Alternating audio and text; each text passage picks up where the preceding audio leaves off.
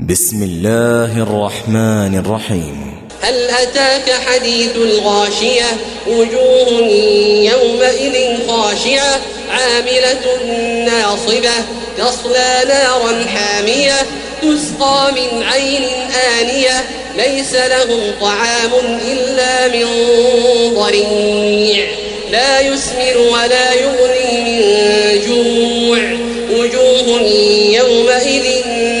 ناعمة لسعيها راضية في جنة عالية لا تسمع فيها لاغية فيها عين جارية فيها سرر مرفوعة وأكواب موضوعة ونمارق مصفوفة وزرابي مبثوثة أفلا ينظرون إلى الإبل كيف خلقت وإلى السماء